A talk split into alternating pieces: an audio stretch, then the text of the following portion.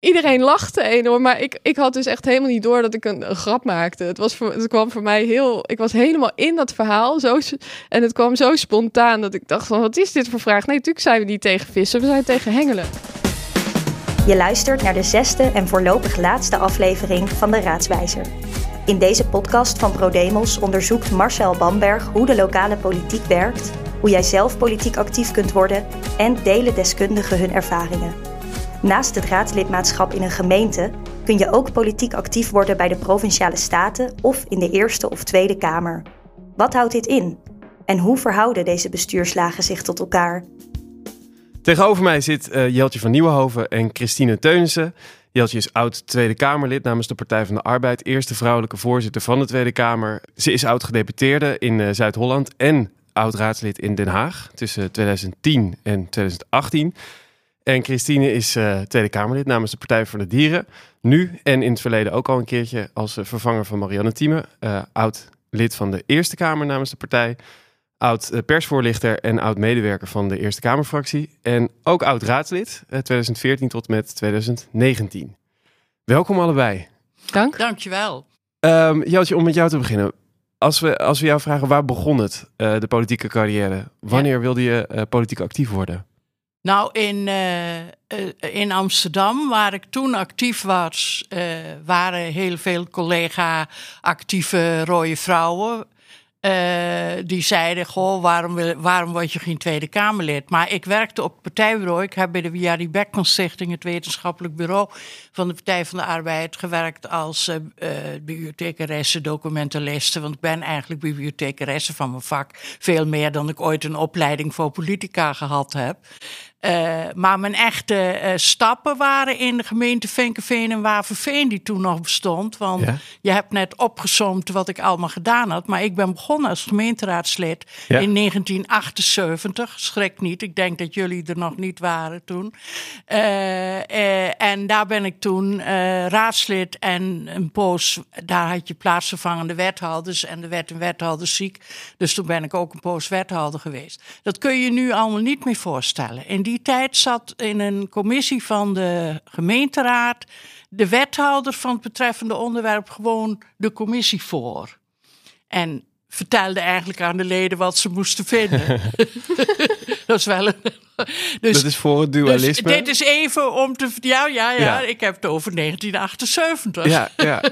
Dus- Maar waar, waar begon dat? Was dat een, een, een middelbare schooldroom? Of eh, kwam dat een beetje Nee, het is, het is veel erger, zou ik bijna zeggen. We hadden in de afdeling van de Partij van de Arbeid in Vinkenveen toevallig een bestuur wat alleen uit vrouwen bestond. En toen we op de avond dat we moesten vaststellen wat de lijst moest worden voor de volgende gemeenteraadsverkiezingen, waar in 78 de Partij van de Arbeid voor het eerst meedeed na de Tweede Wereldoorlog. De SDAP had ooit wel eens voor de Tweede Wereldoorlog meegedaan. En toen ontdekten we dat er veertien mannen zich opgegeven hadden. En toen zaten wij met ons vrouwenbestuur elkaar aan te kijken. En toen zeiden we, dit kan niet. En toen, ik werkte toen al bij de Jari Stichting. En toen bleek dat ze... Dat ik degene was die dan op de lijst moest gaan staan. Dat ik bedoel, bleek. en dat was meer omdat er bij die veertien mannen op zijn minst een vrouw moest staan. En toen kwam er een commissie die de volgorde van die lijst moest gaan bepalen. En die zette mij op nummer één. Geweldig. Christine, waar, Gelijk, gelijk punt door. waar begon het voor jou, Christine? Nou, ik heb wel een iets andere verhaal dan Jeltje. Ik vind het echt fantastisch om te horen trouwens. ja, ook dapper in die tijd. Dat je gewoon als, eh, als vrouw tussen die veertien mannen gaat staan. Ja. Ik zie het helemaal voor me. Ja, Ja. mooi. Nee, voor mij begon het wat anders eh, tijdens mijn studie geschiedenis. Ja. En ik was me aan het oriënteren op wat ik wilde daarna. Ik zat al in mijn, mijn masterfase en ik deed een master over migratiegeschiedenis. En toen dacht ik, ik wil de milieukant op en ik wil richting een NGO. Ik wil iets goeds doen voor de wereld.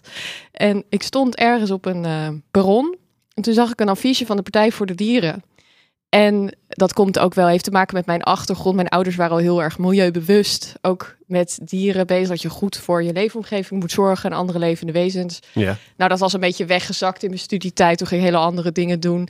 Maar toen ik dat affiche zag van de Partij voor de Dieren, toen zag ik al dat bredere gedachtegoed erachter. En toen dacht ik, hé, hey, dit kan wel eens iets gaan betekenen. Ik was, ik was heel nieuwsgierig eigenlijk van buitenaf van wat wat gaat zo'n partij nou eigenlijk betekenen? Dus toen ben ik uh, tijdens mijn studie een vak gaan volgen, een keuzevak richting uh, ja, media en, uh, en geschiedenis, ja. politieke geschiedenis. En daarbinnen heb ik toen een onderzoekje verricht naar hoe reageert de media op de Partij voor de Dieren.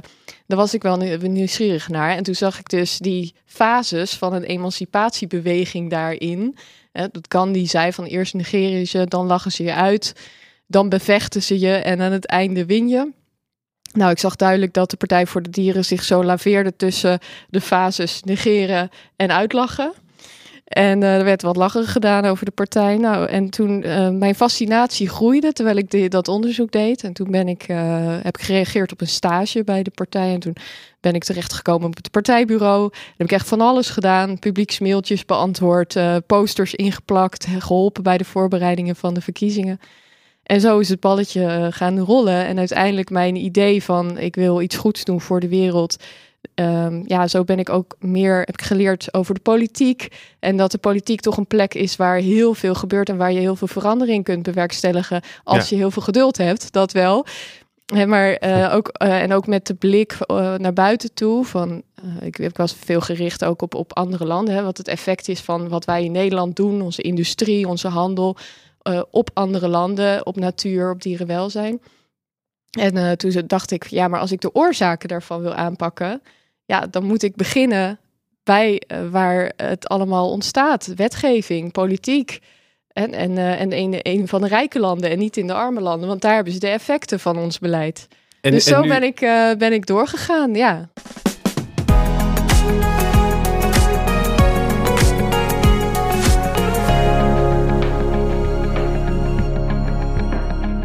In korte tijd eigenlijk al heel veel verschillende functies bekleed. Wat is hetgeen waar je het meest trots op bent en waar wil je nooit meer aan herinnerd worden?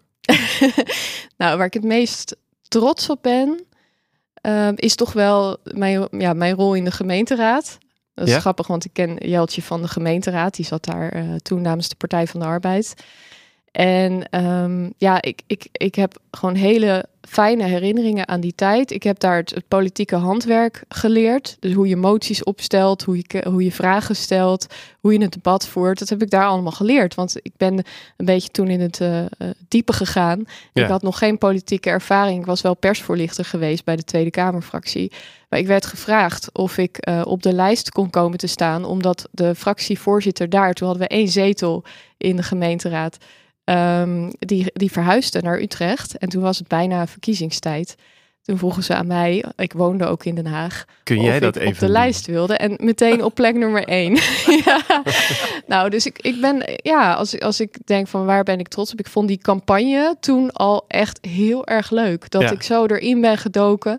En dat ik daar heb gestaan en dat ik het woord mocht voeren namens de partij en ook het team mocht aansturen toen. Ja, dat vond ik. Uh, en en, en waar wil je liever nooit meer aan herinnerd worden, behalve dan op dit moment?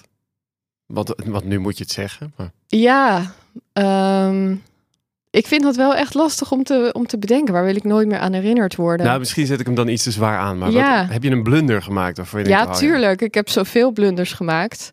Nou, het is wel grappig om te vertellen. Dat is niet, dat is, dat is niet echt iets waar ik niet aan herinnerd wil worden. Maar um, er was één moment in de raad. Toen hadden we het over uh, Scheveningen. En daar was een hengelwinkel uh, op de boulevard gekomen. Ik zie het gelijk voor me. Ja.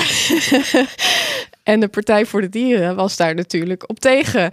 Dus ik hield daar een, uh, een verhaaltje tijdens uh, nou, een bijdrage in een debat over van nou, hè, vissen lijden ook pijn. Dus je moet af van die, van die hengels. En toen kwam een vraag van uh, een Arjen Dubbelaar van Groep De Mos, raadslid.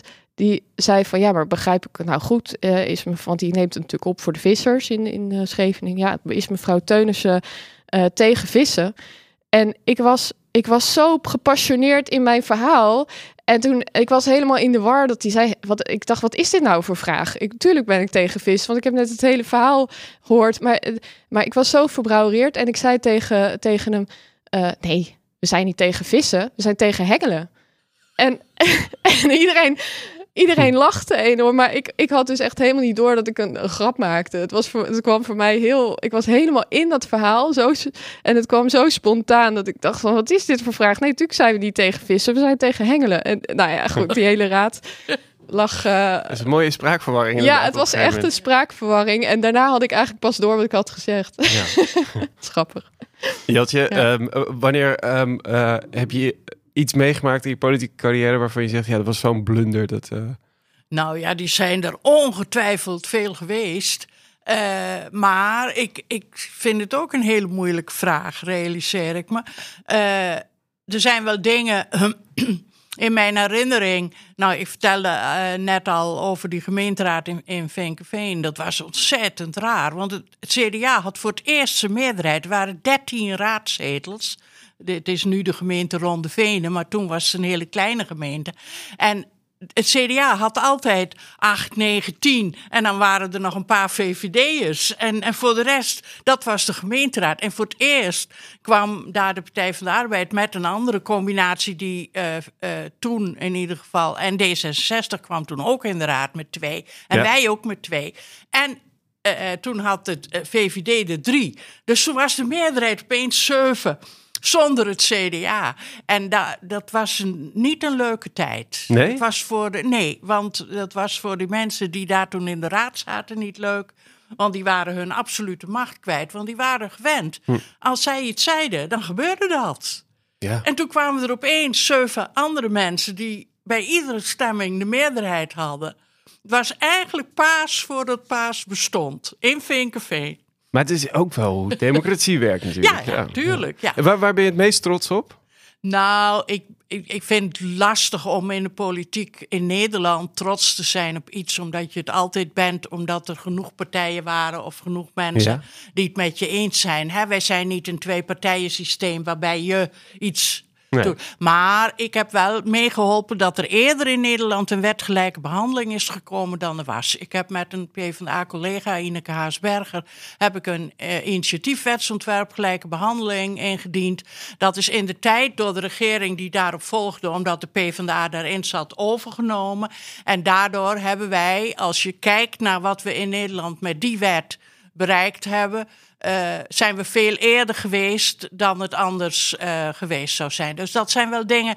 En ik heb me altijd, hoewel ik zelf geen kinderen heb, altijd erg druk gemaakt over kinderopvang. Dat ik dat nog steeds uh, het onderwerp vind. Als je echt vindt dat mannen en vrouwen gelijk zijn, dan moet je en gratis kinderopvang en breed. Hè, dan moet je, zoals in de Scandinavische landen, daar is een gemeentebestuur en een landelijk bestuur verplicht om voldoende kinderopvang te hebben. Dus ze moeten schatten hoeveel kinderen er geboren zouden kunnen worden in het land hm. of in de betreffende gemeente. En dan moet bij wet verplicht er voldoende kinderopvang voor iedereen zijn. Ja, en dat, dat zijn wel dingen waar je. Daar kun je niet eh, nog steeds, ook kun je over de kinderopvang in Nederland, om meerdere redenen, moet ik hier nu bij zeggen, eh, niet trots zijn. Uh, maar dat zijn wel dingen waarvan ik dan denk, nou, dat is niet voor niks geweest dat ik me daar altijd druk om gemaakt heb. Eerlijke behandeling en kinderen.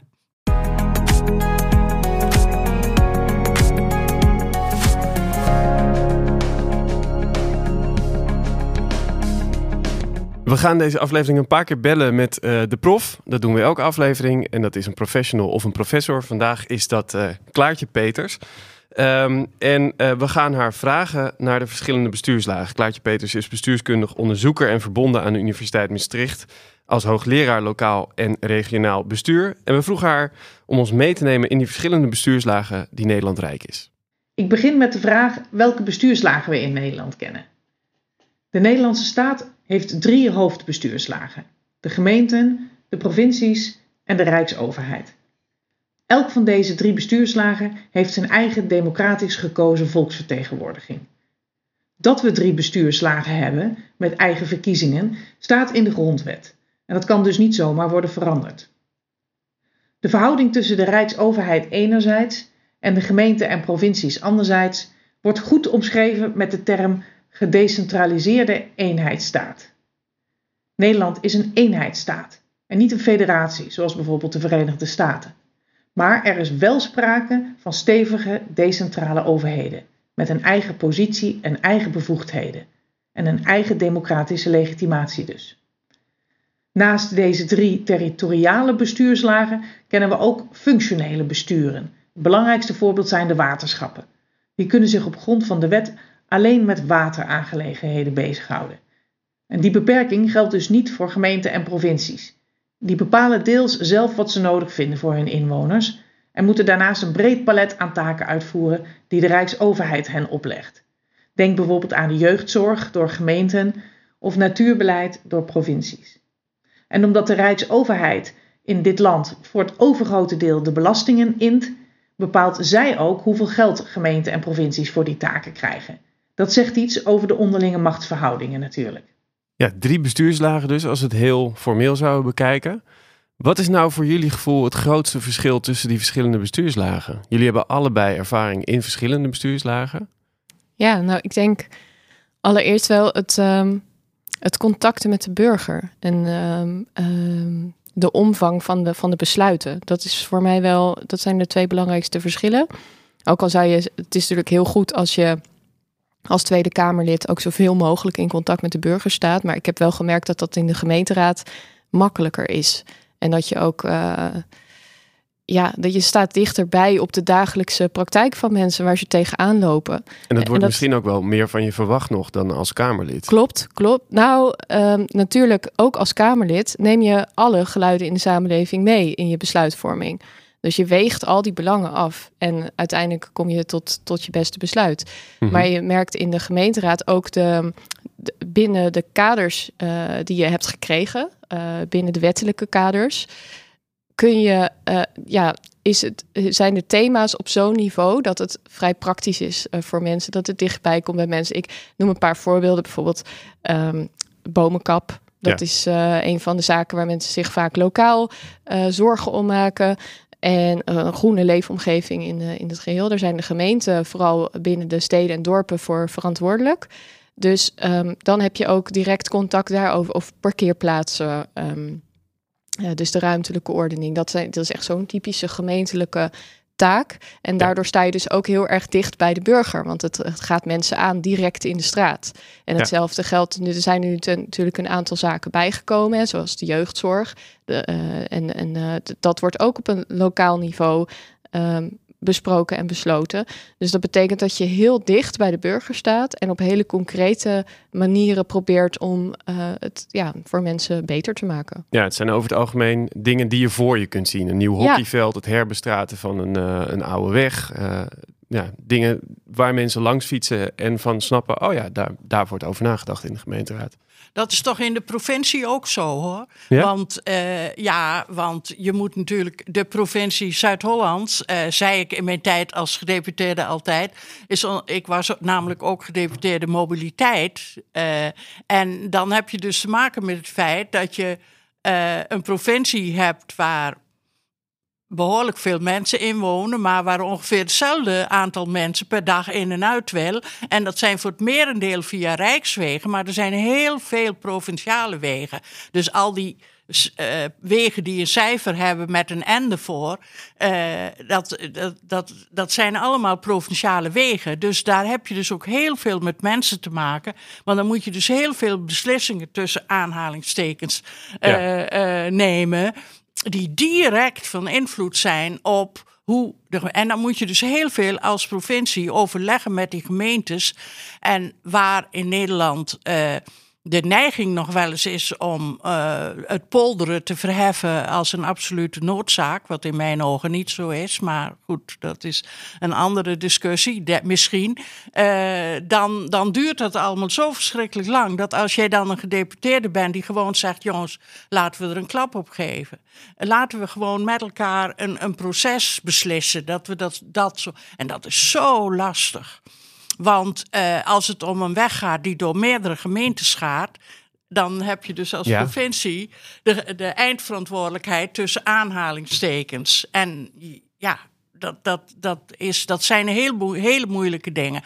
Uh, het, het, het erge is dat je, uh, wat Christine net zei, is, geldt toch ook wel, net als in de gemeenteraad voor de provincie. Omdat je daar ook met, direct met bewoners, want mensen die aan die straat wonen, of die er, er iedere dag naar hun werk moeten, of die het, fietspad op een bepaalde manier aangelegd willen hebben, waardoor ze er optimaal gebruik uh, van kunnen maken. Dat, dat, dat heeft direct met burgers te maken. En ik heb wel eens ooit, nadat ik provinciebestuurder was geweest, gezegd dat ik eigenlijk liever voordat ik Kamerlid werd, provinciebestuurder was Waarom? geweest. Uh, omdat ik dan een heleboel dingen geweten had. Mensen denken namelijk van mij altijd dat ik me heel ongelukkig voelde als provinciebestuurder, wat absoluut niet waar is. Integendeel, ik vond dat juist een hele boeiende tijd, omdat door mijn gemeenteraad. Uh, raadslid zijn. En Christine heeft gelijk, dichter bovenop en dicht dingen doen. Ja. Bleek opeens dat die provincie voor mij veel meer ging leven, daarmee ook behoorlijk overbodig werd. Uh, ja, dit klinkt wat hard, maar het is wel waar. Want een heleboel dingen zou je natuurlijk ook, als ik het over die wegen even hou. Uh, die verschillende gemeentes zouden ook met elkaar in een gemeenschappelijk verband met de gemeenteraadsleden kunnen. En dan niet zoals we nu soms uh, verschillende bestuurslagen ertussen gevormd hebben, die dan weer niet democratisch gekozen worden. Nee, Via democratische verbanden zou je dus grotere regio's kunnen maken. Dus een pleidooi, dat kunnen we anders inrichten. Maar daar gaan we het straks nog wel over hebben. Okay. Over die andere bestuurslagen. Mm -hmm. Wat zijn nou typisch onderwerpen voor een gemeenteraad of een provincie?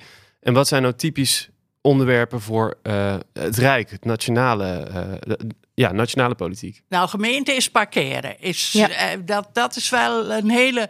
Ik bedoel, dat zal niet in iedere gemeente even uh, groot gaan. Toen ik in Venkeveen in de gemeenteraad zat, was Venkeveen een van de gemeentes in Nederland die het meeste beroepen bij de Raad van State had van mensen die aan de Baanbrugse Suwe wilden wonen en dat op hun manier wilden doen.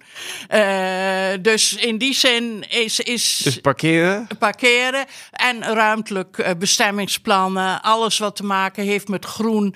Uh, met, met dingen waardoor je een stad leefbaar kunt houden of een dorp leefbaar. Want ook in een dorp kan dit soort dingen, ook wat parkeren betreft, behoorlijk hard toeslaan uh, voor burgers als je het winkelcentrum uh, niet op een goede plek doet in een dorp. Ik, ik, ik kan me zo voorstellen dat het gemeenteraadswerk wat dat betreft eigenlijk veel leuker is dan uh, het werk van een Tweede Kamerlid. Nou, daar nee. ben ik het ook niet helemaal mee eens hoor. Het, is, het, is een, het heeft een ander karakter. Ja.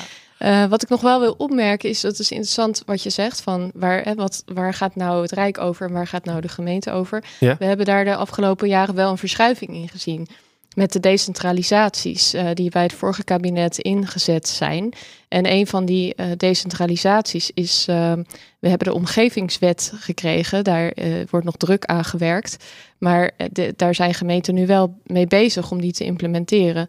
En mijn partij is daar wel kritisch op, omdat um, je ziet dus dat meer bevoegdheden naar de gemeente gaan. En dan ja. zou je zeggen, nou ja, dat is op zich niet verkeerd, want dan sta je dichter bij, uh, bij, de, bij de burger. Maar tegelijkertijd, wat je ziet, is dat er, er en ook bezuinigd is. Dus gemeentes moeten veel meer doen met minder middelen. En um, tegelijkertijd, als je kijkt naar bepaalde onderwerpen, vraag ik me zeer af of dat of de gemeente daar baat bij heeft. Kijk bijvoorbeeld naar de luchtkwaliteit. In de omgevingswet wordt nu geregeld dat de gemeente en de provincie gaan over de invulling van hoe, hoe schoon mag onze lucht zijn. Ja, ja, dus dan is er alleen maar een kader vanuit landelijk. En dan mogen de gemeenten en de, en de provincies besluiten, nou, uh, zo vies. Maar luchtkwaliteit is natuurlijk bij uitstek iets wat over de grenzen ja, gaat. Ja. En wat je landelijk zou moeten aansturen, wat, uh, wat mij betreft. En dan uh, wat, je, wat je ziet, is dat eigenlijk die bescherming van onze schone lucht wordt uitgekleed, omdat er geen landelijke regie meer op is. Dus daar ben ik zeer kritisch over.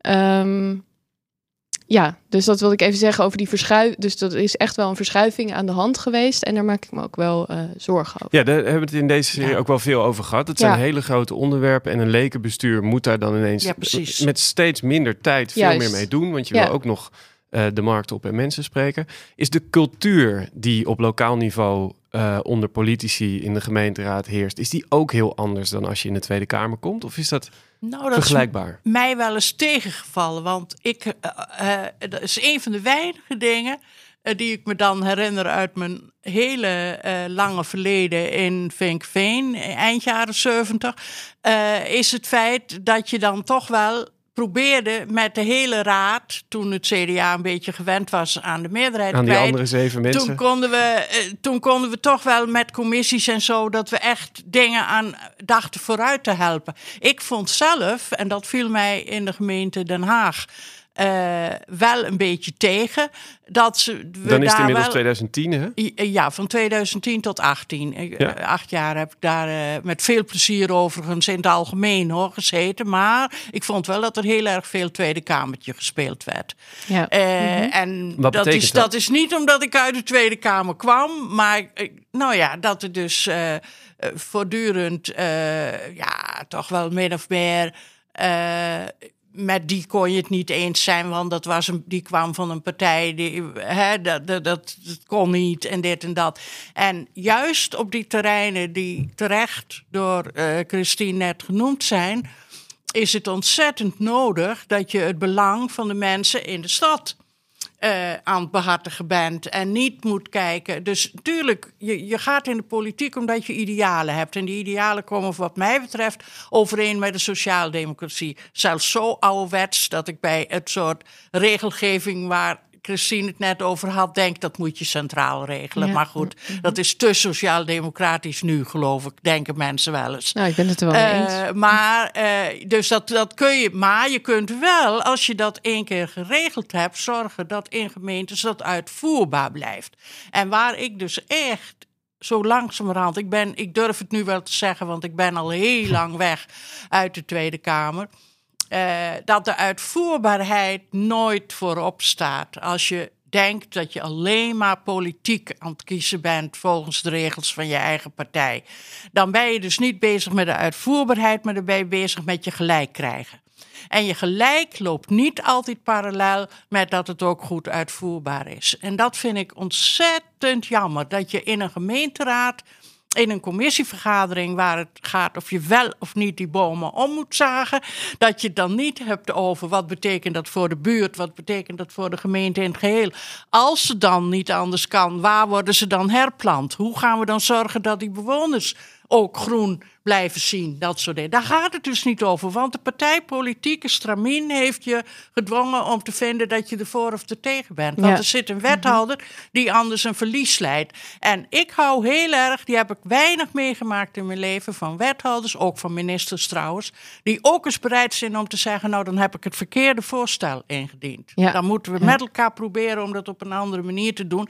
En zo zal de politiek in Nederland zich moeten beramen op de toekomst. Want als ze dat niet doen, dan verliezen we op alle fronten aan democratie. Ja, de hamvraag is natuurlijk straks, en dat wil ik straks van jullie weten, waar je nou eigenlijk meer kunt bereiken in de gemeenteraad of in de Tweede Kamer. Maar we gaan eerst even terug naar Maastricht. We gaan weer bellen met de prof. Aan het begin vertelde ze al even over de verschillende bekende bestuurslagen, gemeente, provincie, landelijk. Maar we zien ook steeds vaker andere bestuurseenheden. Hoe zit dat? Waarom zie je die lagen steeds meer? En hoe zit het eigenlijk met de democratische verantwoording? Klaartje Peters. De tweede vraag die ik wil beantwoorden betreft andere vormen van bestuur, die tussen de traditionele bestuurslagen in liggen. Hoe zit dat? Nederland is dus verdeeld in één rijksoverheid, 12 provincies en 345 gemeenten. Maar maatschappelijke problemen houden zich natuurlijk niet aan die indeling.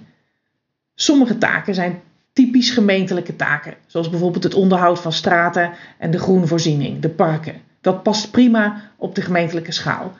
Maar voor veel maatschappelijke problemen geldt dat niet. Die spelen op een andere, vaak grotere schaal. Denk bijvoorbeeld aan het openbaar vervoer in een grootstedelijke regio. Je wilt niet dat de Rotterdamse tram stopt op de grens tussen Rotterdam en Capelle aan de IJssel. Want veel inwoners van Capelle moeten dagelijks naar Rotterdam op en neer voor werk of school. Soms kan de provincie zo'n taak op dat hogere niveau regelen, maar die is er vaak weer te groot voor. En dus is er samenwerking tussen gemeenten nodig. Wij noemen dat vaak regionale samenwerking. Dat soort samenwerking tussen met name gemeenten vindt op veel beleidsterreinen plaats en ook steeds meer. Vaak wordt die samenwerking formeel geregeld met een bestuur dat bestaat uit de wethouders van de samenwerkende gemeente. Dat heet dan een gemeenschappelijke regeling. Er zijn veel gemeenschappelijke regelingen in Nederland, momenteel naar schatting zo'n 1200. En dat worden er elk jaar meer. Soms dwingt de Rijksoverheid gemeenten ook om samen te werken in zo'n gemeenschappelijke regeling, zoals bijvoorbeeld in de veiligheidsregio. Naast de formele zijn er ook heel veel informele samenwerkingsverbanden tussen gemeenten. Want je hebt natuurlijk geen formeel bestuur nodig om als wethouders of burgemeesters met elkaar te overleggen en zaken af te stemmen.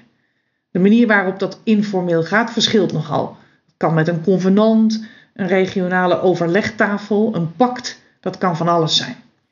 Ja, een heleboel uh, overlegtafels pakten. Uh, uh, de Volkskrant in maart 2021 schreef: gemeenten participeren gemiddeld in meer dan 30 gemeenschappelijke regelingen en regionale overlegtafels. En daar kun je je dus van afvragen: hoe zit dat eigenlijk democratisch gezien? Past dat wel in ons systeem waar we normaal gesproken besturen kiezen? Of in ieder geval de volksvertegenwoordiging kiezen, die dan vervolgens het bestuur moet gaan controleren. Ook dat vroegen we aan Klaartje Peters. De derde en laatste vraag gaat over de democratische controle op al die regionale samenwerking. Wie doet dat eigenlijk? De regio is geen officiële bestuurslaag zoals de gemeente of de provincie. En dus hebben we geen formele regionale verkiezingen en geen regionale volksvertegenwoordigers dus. Maar al die regionale samenwerking is wel een vorm van bestuur natuurlijk en een groeiende vorm. Nou, het zijn gemeenteraadsleden van de samenwerkende gemeenten die op die samenwerking controle moeten uitoefenen. Het probleem voor die raadsleden is echter dat zij er ver vanaf staan. Ze weinig zicht hebben op wat er gebeurt in die samenwerkingsverbanden en er minder invloed op kunnen uitoefenen dan op hun eigen gemeentebestuur, burgemeester en de wethouders en hun ambtenaren. De raadsleden krijgen dus weinig zicht op de regionale afwegingen en compromissen, komen er zelf niet aan te pas en kunnen die vaak achteraf ook niet meer terugdraaien. Dat is een probleem waarvoor we eigenlijk geen goede oplossing hebben. En in de tussentijd wordt er steeds meer en steeds vaker op regionaal niveau samengewerkt. Denk bijvoorbeeld aan de regionale energiestrategieën.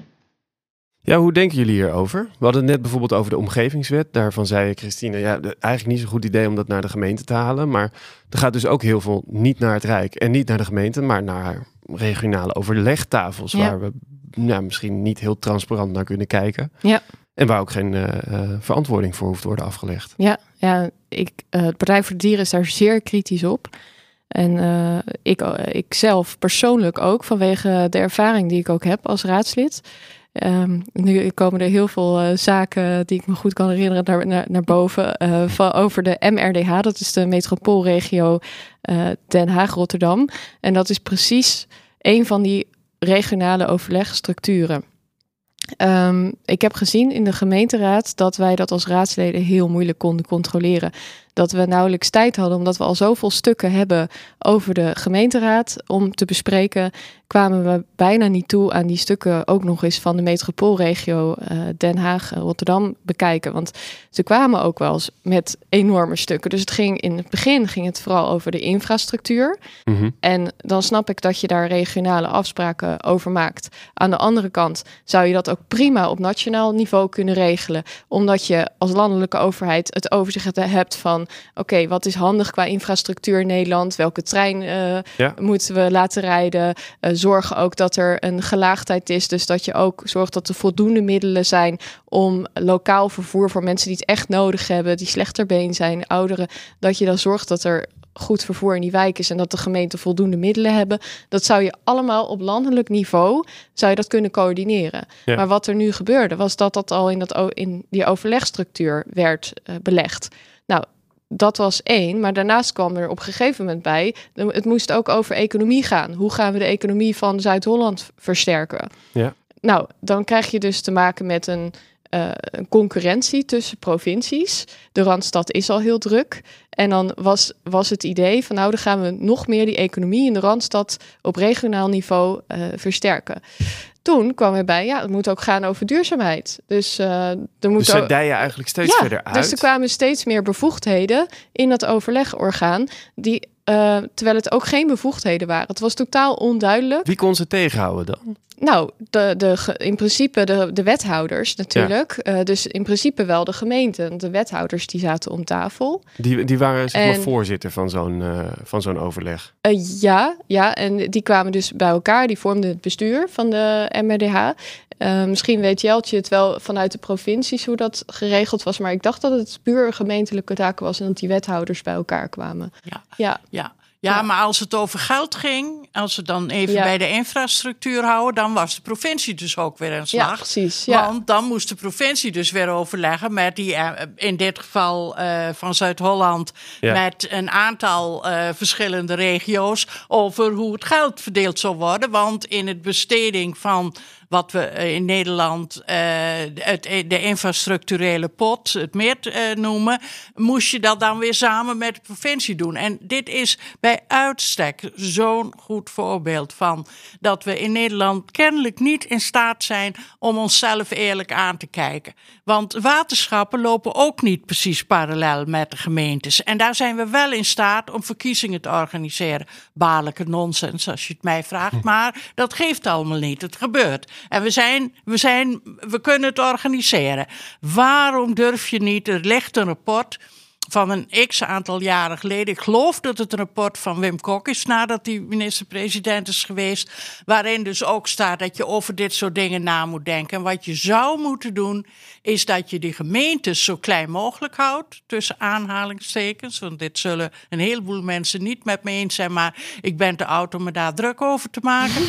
En eh, dus ik vind dat je gemeentes zo klein mogelijk moet houden. En dat je vervolgens regionale beslissingen, waar je zowel de waterschapdingen als de provinciale dingen, als de MRDH-dingen in het geval van Ja, ja. Rotterdam, Den Haag, doet als het over infrastructuur en dat soort dingen gaat. En laat een aantal andere dingen dan centraal geregeld zijn. Of wees zo eerlijk om het aan de gemeentes te geven. Eh, maar ga die tussenlaag nou. Ga daar nou één laag van maken. Want we hebben eigenlijk drie tussenlagen. We hebben de provincie, die dan wel democratisch gelukkig Ja. komt. We hebben de waterschappen, die. Nou, nog niet helemaal, maar dat schijnt geregeld te gaan worden. Ook volstrekt democratisch gaan, gaan werken. En dan heb je die, eh die gebiedsvorming die helemaal niet democratisch Ja, en, en, en die wordt steeds omvangrijker. En die wordt steeds omvangen. Ja. En, en, eh, en mensen, kijk, die wethouders die zitten natuurlijk dagelijks met hun controle door de gemeenteraden. Dus die vinden het ook wel eens heerlijk om gewoon aan tafel te zitten en beslissingen te nemen. Dat gun ik ze. Eh, daar gaat het niet om. Maar wij, wij zijn heel raar bezig Ja, wat dat betreft in ons kleine landje. Oké, dit punt is gemaakt. Ja. Ik wil terug naar, eh, naar die vraag: waar bereik je nou het meeste? Jullie hebben allebei ervaring in de gemeenteraad, Ja. ook op andere lagen, eh, maar ook als Kamerlid. Eerste Kamerlid, Tweede Kamerlid. Ja. Waar bereik je het meeste? Nou, ik denk toch wel in de Tweede Kamer, omdat je daar wel, ehm, ja, als je iets voor elkaar krijgt, dan heeft dat ook meteen effect op het hele land.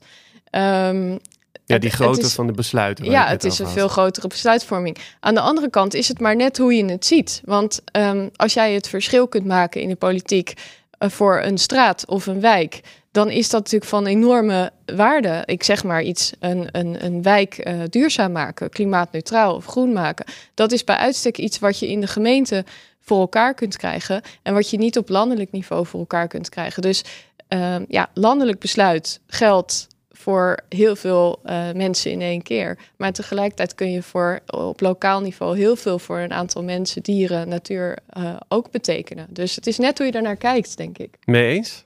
Ik de, ja, maar ik zou wel graag willen dat wat, eh, wat gemeenteraden doen, eh, dat je daar meer aandacht voor hebt en dat je dat ook in de uitvoering. Want mijn grote probleem is, vroeger had je bij hele grote wetgeving, vroeger, als ik over vroeger praat, ik ben vanaf 81 Kamerlid geweest, dus je durft het bijna niet meer te vertellen, zo af en toe, zo lang is het geleden.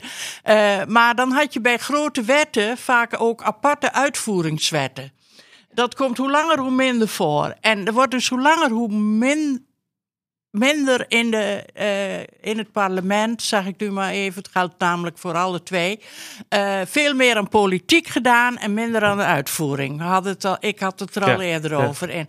En als je zegt van wat is het belangrijkste, dan kom ik bijna bij de gemeenteraad uit. In de zin van wat is voor mensen op hun dagelijks leven het belangrijkste. Maar daarmee zouden gemeenteraden veel meer invloed op de uitvoering moeten kunnen hebben als er nieuwe wetten gemaakt. Want eigenlijk is het maken van de wetten het belangrijkste. Dus kom je weer bij de Tweede Kamer uit. Dus het is voor mij heel ingewikkeld. Maar als je mij met het uh, zegt van wat moet er echt gebeuren, dan zeg ik zorg nou dat die gemeenteraden voor burgers zo kunnen functioneren dat burgers dat ook zien. En dat die invloed van gemeenteraden gaat naar de wetgever. Ja, precies. En een heel mooi, mag ik nog een voorbeeld uh, noemen daarvan? Wel afgelopen week een debat gehad over Tata Steel. Dat bedrijf, uh, uh, nou ja, het staal maakt en veel grafiet uitstoot, veel giftige stoffen. Nou, mensen maken zich daar veel zorgen over lokaal dan uh, zie je dat daar gemeenten zich ook zorgen over maken. En die zijn dan met, in contact met bewoners om ervoor te zorgen dat dat bedrijf stappen gaat zetten. Dan heb je ook de provincie die daarmee bezig is. Want uh, die gaat uh, ook over bijvoorbeeld de omgevingsdienst, de handhaving. Nou, dan er moet goed op gehandhaafd worden. Dat gebeurt niet. Dus dan de provinciale statenleden die zijn daar ook mee bezig van zorg nou dat er gehandhaafd wordt. Maar aan de andere kant zie je dat het Rijk die stelt die normen vast van hoeveel je mag uitstoten als bedrijf. En die stelt ook vast hoeveel geld bijvoorbeeld die handhavingsdiensten, uh, hoeveel middelen die krijgen. Nou, dan moet je dus als Kamerlid moet je al die lagen meenemen. Dus je moet zien wat speelt er op bij de burgers, wat speelt er op gemeentelijk niveau en uh, wat speelt er op provinciaal niveau en hoe kunnen wij goede wetten maken, ja. zodat, nou ja, in mijn geval wil ik graag dat die omwonenden worden beschermd. He, er zijn ook partijen in de Kamer die voor de bedrijven opkomen, dus die voor Tata Steel staan. Maar je wil dus landelijk goed regelen dat er een balans is tussen bescherming van omwonenden en economische belangen. Wij gaan richting afronding. Wat is het aller, aller, allerleukste wat jullie ooit hebben meegemaakt in je politieke carrière? Het allermooiste, Mag, leuk, grappig, hilarisch. Nou, ik, ik vind zelf uh, het allerleukste uh, voor als het mij persoonlijk betreft, dan is het uh, de dag nadat ik gekozen was tot Kamervoorzitter. Omdat toen ik ging zitten, die eerste dag van dat werk ook doen, ontdekte bij mezelf dat ik dacht, dit kan ik. en dat is een van de leukste dingen die je in je leven persoonlijk, dat had ik al een keer toen ik, want eigenlijk was mijn mijn droom dat ik bibliothecaresse was en dat ik in een bibliotheek ging wonen. En dat ik verder gewoon de wereld, zeg maar, moest. Dat had ik al toen ik zes, zeven jaar was en kon oh, lezen. Dus dat, dat, dat, hè, daar, daar vond ik dat. Maar als je nou zegt. Ik van... moest lachen omdat ik dingen hoor van Jeltje die ik nooit heb geweten. maar wat ik dus echt het, het, het e-, eigenlijk uh, echt heel. Uh, ja, heel, heel belangrijk uh, vind, is dat je zo af en toe, ik zei het al eerder, een wethouder of een minister hebt die durft te zeggen van dit voorstel neem ik terug en gaan met elkaar kijken. En ik heb dat ook als Tweede Kamer voorzitter en als Tweede Kamerlid wel eens een dood enkele keer meegemaakt. Maar daarom staat het zo op mijn netvlies. Ik heb het met een wethouder ook wel eens. Want het zou niet goed zijn om te zeggen dat het nooit gebeurt. Maar Vaak wordt het gedwongen. Uh, wordt het afgedwongen door de democratie in de gemeenteraad, in het parlement, die zegt van dit voorstel deugt niet. En de kracht van goed bestuur zit hem in het feit dat je zelf durft te zeggen van dit voorstel gaan we met z'n allen verbeteren. Ja. Hier, hier. Ja, ik uh, veel mooie momenten meegemaakt, maar wat mooiste om uh, te zien vind ik toch wel, wij zijn natuurlijk een relatief nieuwe partij. En ook een veranderingspartij. Dus we willen ook uh, normen veranderen. En ja, het is, um, het is misschien een beetje vreemd om te zeggen, maar ik vind het bijvoorbeeld heel mooi om te zien dat D66 nu ook pleit voor de halvering van de veestapel. Ja, dat vind dan, ik ook. En dan krijgen zij ook steeds meer credits voor. Ja. Maar uh, ja, toen, toen de Partij voor de Dieren nog niet in de Kamer zat, toen, werden we, toen gingen de landbouwdebatten die gingen over hoeveel mest je uit mocht rijden. En over ja, hele technische zaken rondom boeren. En sinds de Partij voor de Dieren in de Kamer zit, gaat het heel vaak over wel of niet afschaffen van de bio-industrie, de belangen van de boeren versus belangen van de natuur versus belangen van de vee-industrie. Dus, dus um, de beïnvloeding van het debat En ook de normalisering van bepaalde onderwerpen, zoals afschaffing van de bio-industrie. Dat vind ik wel echt enorm mooi om dat van dichtbij te mogen meemaken. Mag ik jullie bedanken voor jullie tijd. En ik bedank ook gelijk uh, Klaartje Peters, die er op afstand uh, bij was. Jeltje van Nieuwenhoven, Christine Teunis, dankjewel. En daarmee komt ook een einde aan de hele serie. Want dit was de laatste aflevering, dus ook aan de luisteraar. Dankjewel voor het luisteren. Leuk dat je luisterde naar de Raadswijzer. Dit was voorlopig de laatste aflevering. Als je deze podcast leuk vindt, dan is de ProDemos podcast waarschijnlijk ook iets voor jou. In de ProDemos podcast worden allerlei onderwerpen besproken die te maken hebben met democratie en rechtsstaat. Want hoe zit het eigenlijk met diversiteit in de politiek? Welke impact heeft corona op onze rechtsstaat? En hoe wordt de stemwijzer gemaakt? Je vindt de ProDemos podcast in jouw favoriete podcast-app. Ga voor meer informatie naar prodemos.nl/podcast. De Raadswijzer is een productie van ProDemos, Huis voor Democratie en Rechtsstaat.